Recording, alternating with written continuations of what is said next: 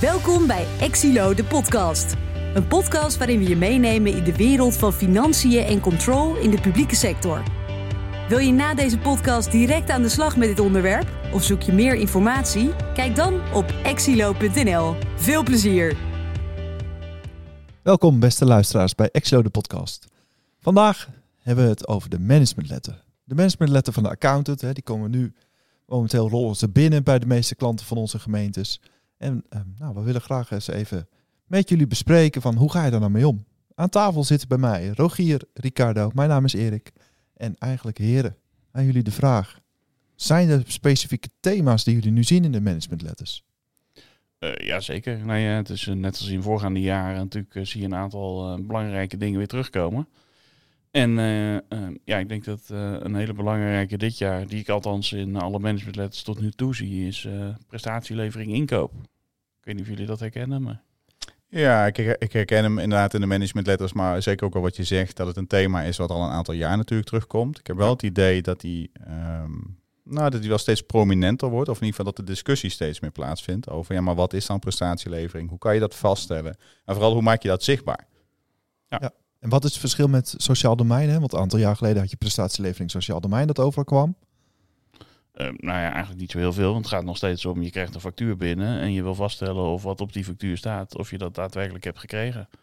Alleen uh, bij het sociaal domein was dat natuurlijk een, een, discussie die heel erg naar voren kwam. Ja. En je ziet in, misschien wel mede daardoor dat die de afgelopen jaren bij inkopen ook steeds prominenter op de agenda komt te staan. Ja, en ik denk bij het sociaal domein werd hij soms natuurlijk ook wat minder gekoppeld aan een één op één aan een factuur, hè, maar meer aan wat hebben we nou in zo'n jaar gedaan. En je ziet natuurlijk bij inkoop wel dat het vaak wat meer gekoppeld wordt aan een bepaalde dienst die wordt geleverd, uh, of een bepaald product wat geleverd is. Uh. En, en, waarom zou die erop staan? Mijn beeld is ook wel een beetje omdat je dus ziet dat, uh, dat heel divers wordt ingekocht, hè, van nou, de spreekwoordelijke pennen en potloden tot aan trainingen, inhuur, hele gebouwen daar zit volgens mij ook wel gelijk een deel van de complexiteit. Herkennen jullie dat? Ja, zeker. dat, dat, maakt het ook het gesprek heel lastig. Hè? Vaak, want vaak gaat het om uh, nou, met de budgethouders die de facturen autoriseren. Ja, moet ik dan voor elk gebakje, elk bloemetje, moet ik dan vaststellen dat ik dat heb ontvangen, dat die prestatie is geleverd? Ja, dat, dat is een lastig gesprek vaak in de organisaties, merk ik. Ja, nou ja, en ik snap het ook wel. Ik bedoel, ja. ja ik zou ik zelf ook vervelend vinden als je voor elk hele kleine aankoop foto's moet gaan maken van een doosje potloden of een bosje bloemen om te bewijzen dat je het daadwerkelijk hebt gekocht. Nou, ik denk ook dat het die onduidelijkheid is. Hè? Van wanneer is het goed genoeg? Ja. dus moet ik inderdaad voor elk gebakje wat uh, een foto maken of uh, moet ik een postzegel uh, ergens registreren of juist niet?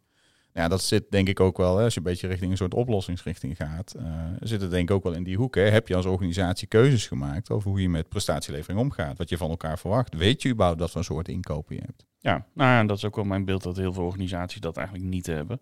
En dus die hebben niet over nagedacht van, ja, wat wil ik nou voor verschillende soorten inkoop? Wat is dan mijn beleid, mijn interne beleid over het vaststellen van de prestatie? Ja. En dat is wel lastig, hè? want eigenlijk is controleren, hè? dus wat de accountant doet, wat ook de interne controle doet, is toetsen aan de norm. Ja. Maar wat is dan de norm voor prestatielevering? Nou ja, ja, misschien wel heel bazaal. Als je dus geen norm hebt, is de norm dat je het voor alles zou moeten doen. Ja. Alleen ja, hoe dan precies? Daar is natuurlijk wel een notitie voor. Hè? Er is natuurlijk een notitie prestatielevering. Uh, maar uh, ja, die geeft natuurlijk ook vooral de handreiking van joh, je zou het op deze manier kunnen doen, maar regel het vooral zelf. Ja, ja wat je daar natuurlijk veel in ziet, uh, in ieder geval wat ik ook uit recente ervaring zie, is dat natuurlijk als organisatie heel snel zegt, ja, maar ik heb een autorisatieprocedure, hè, ik, ik keur mijn factuur goed. En dat de vragen die natuurlijk nu worden gesteld op, ja, op basis waarvan heb je hem nou goedgekeurd? Hoe kijk je dan, hoe werkt dat proces dan? En daar denk ik dat je als organisatie, uh, nou ja, wel echt uh, keen op moet zijn. Dat je daar aandacht voor hebt en uh, er ook goed over blijft nadenken. Ja, ja volgens mij zou je prima, dat hebben wij natuurlijk zelf ook in onze eigen praktijk een aantal keren gedaan. natuurlijk een, een intern beleid kunnen maken waarin je zegt van, joh, je hebt een, een grens die zich verhoudt tot de materialiteit. Uh, en dan ga je dus je inkopen eh, in beeld brengen. Van, joh, wat koop ik nou eigenlijk in in een jaar? Wat voor soorten inkopen zijn dat? Wat is de omvang daarvan? Hoeveel grote, hoeveel kleine posten?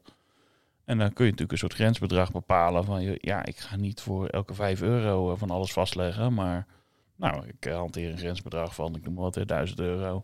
Waarboven ik de prestatielevering vastleg. En dan zou je nog in dat interne beleid kunnen regelen hoe je dat dan doet. En wat is dan voldoende? Ja. Nou, dat lijkt me een goede tip, inderdaad. Uh, Kijk, wat je wel veel ziet, hè, ook met dit punt, uh, überhaupt zie ik dat veel, hè, maar uh, het staat in de managementletter, de account heeft opgeschreven. Maar vaak, hè, daarom vroeg ik ook in het begin al van hoe zit het met sociaal domein? Hè? Is dit hetzelfde? Het, wordt, het staat er wel, maar het wordt vaak niet direct begrepen wat er staat. Nee.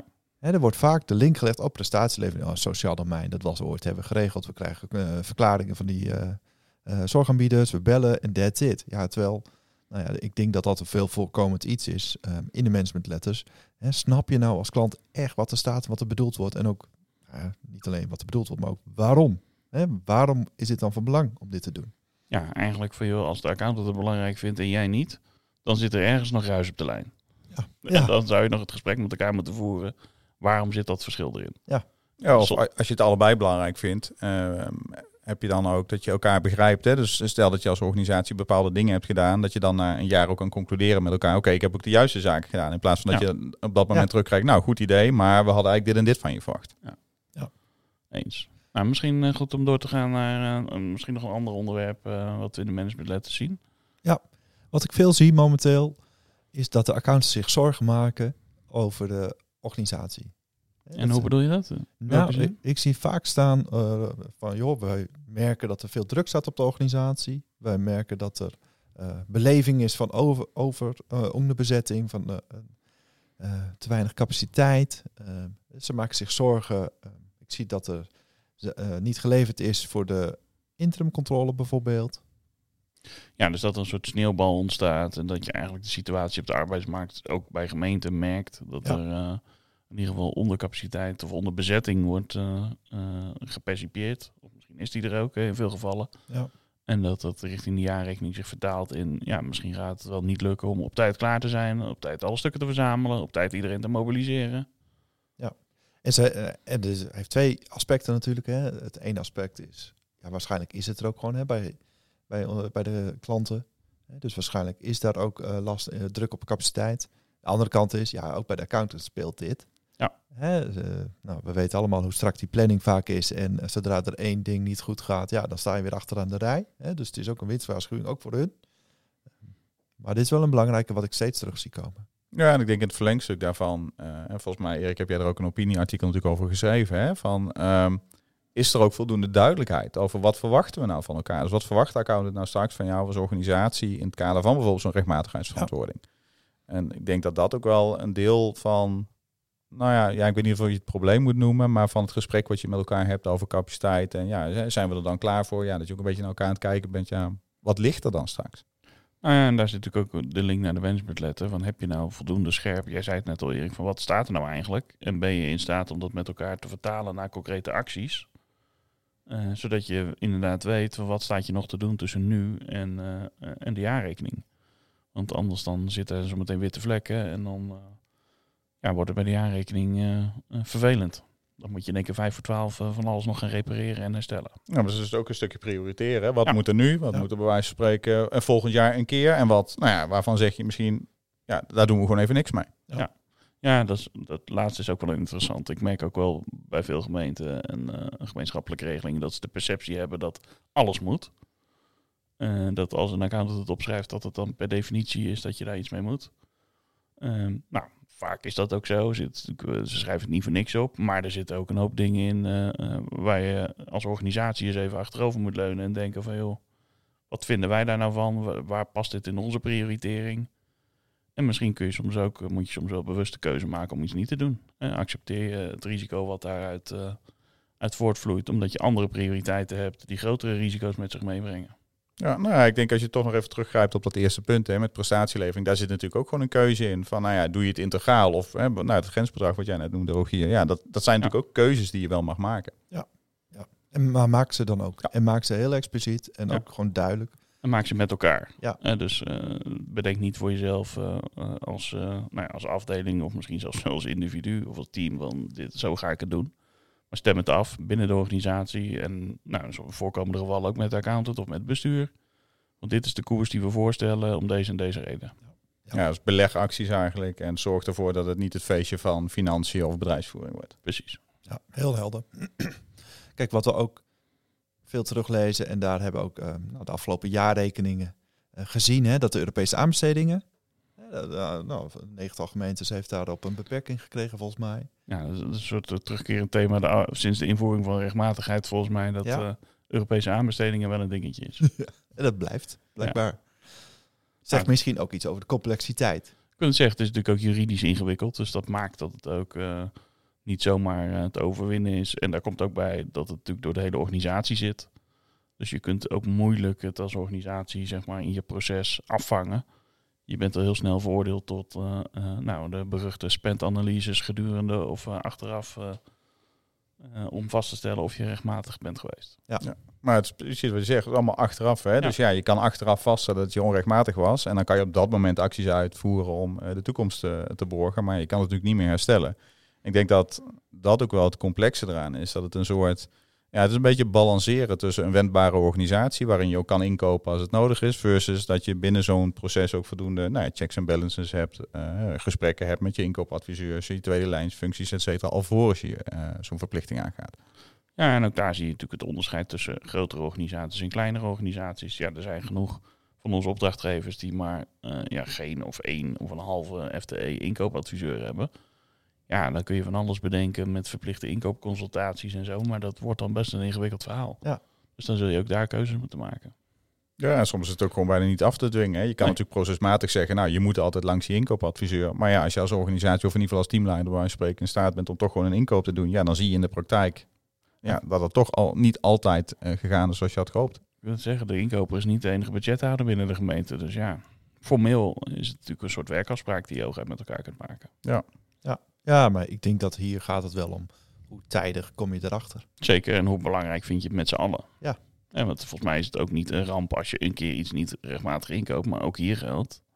Uh, doe dat vooraf, doe dat bewust, denk erover na, besprekend en maak dan een afweging waarvan je denkt, nou, dat is in het uh, belang van de organisatie. En niet een soort persoonlijke afweging van ja, ik heb nu, ik heb eigenlijk te lang gewacht met inkopen en nu moet het maar even snel, snel. En dan ga ik maar niet helemaal de regels volgen. Ja. Ja, dat, dat zit ook wel, wat je zegt, in een stukje tijdigheid. Hè? Ja. En dat kan je natuurlijk in de breedte trekken, niet alleen voor de inkopen. En dat koppelen hem even aan een planning- en controlecyclus van ben je tijdig in staat om je eh, als ambtelijke organisatie inzicht te geven in nou, waar staan we vandaag, wat verwachten we qua ontwikkelingen, ook richting een raad bijvoorbeeld, of richting een, eh, een AB.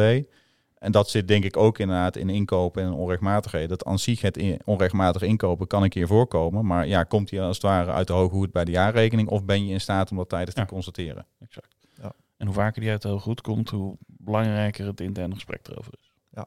En wat wel bijzonder is, hè, wat ik hoor, de spendanalyse die gedaan wordt nou ja, voor de rechtmatigheidsverantwoording vanuit de interne controle, is vaak een andere spendanalyse die inkoop doet. Ja.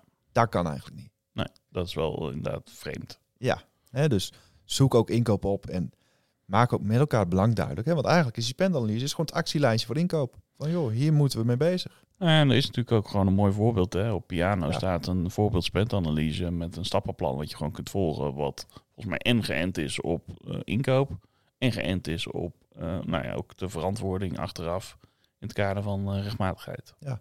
Uh, daar zie je volgens mij soms, als je hem dan even terugpakt naar zo'n managementletter, hè, dan gaat het natuurlijk vaak over, ja, je hebt onrechtmatig ingekocht, je proces is misschien niet helemaal op orde. Hoe ga je dat straks voor de jaarrekening herstellen? En wat je daardoor creëert, is dat het ook een soort product wordt voor de jaarrekening, voor de controle. Nou goed, het gaat natuurlijk dit jaar wel anders worden met de rechtmatigheidsverantwoording, maar wat eigenlijk jammer is, en dat zou ik bijna de organisatie ook wel mee willen geven, als je nou zo'n spendanalyse hebt gedaan, doe dan ook iets met uitkomsten. Ja. Kijk ook wat dat voor jou als organisatie betekent, wat het voor de inkoopafdeling betekent, uh, of voor je proces.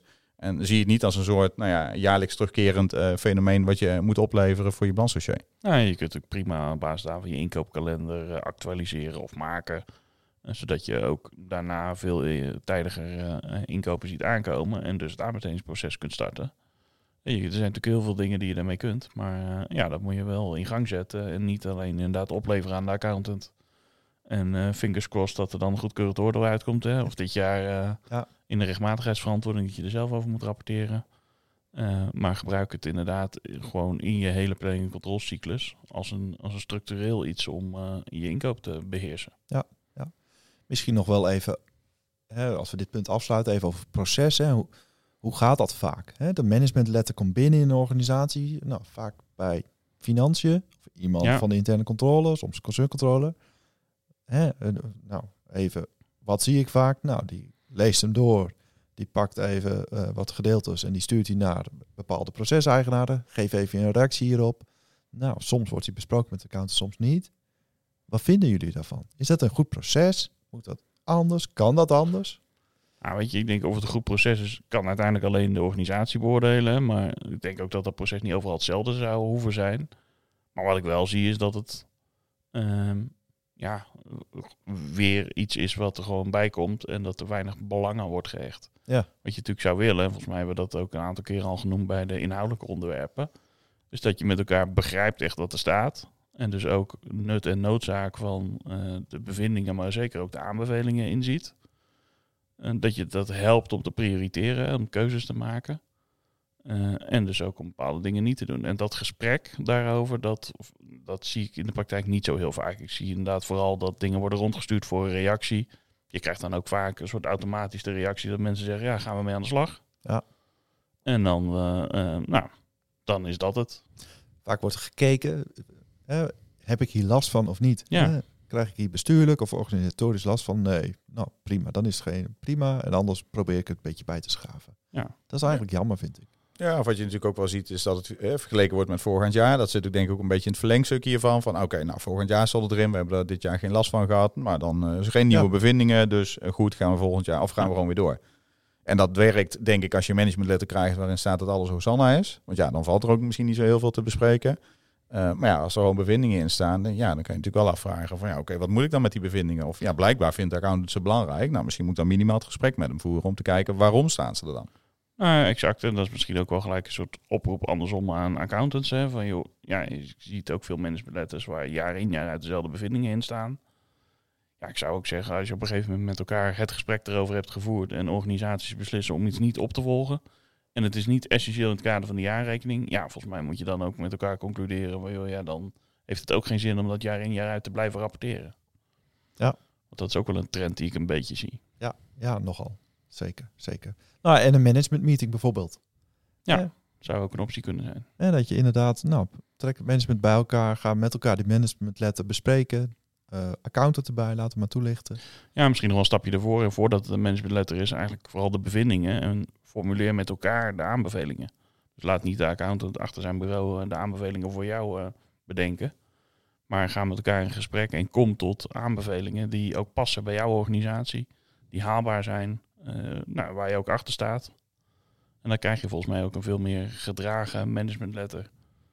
Uh, waar echt verbeterde oplossingen in staan, waar je achter staat en waar je mee aan de slag wil en kunt. Ja, nou, dat lijkt me een mooie oproep, inderdaad.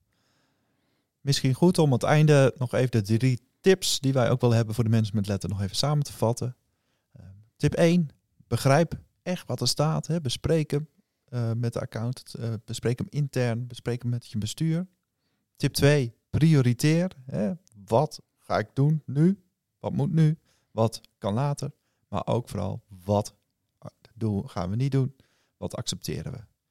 En het laatste punt, zorg dat er eigenaarschap is bij de acties die je moet doen. Dus beleg het, monitor het, maar zorg ook echt heel duidelijk, hier ben jij van. Beste luisteraars, dank voor het luisteren. Volg onze podcast ook op alle nou ja, daarvoor bekende platforms, zoals Apple Podcast, Spotify, noem ze maar op. En graag tot de volgende keer.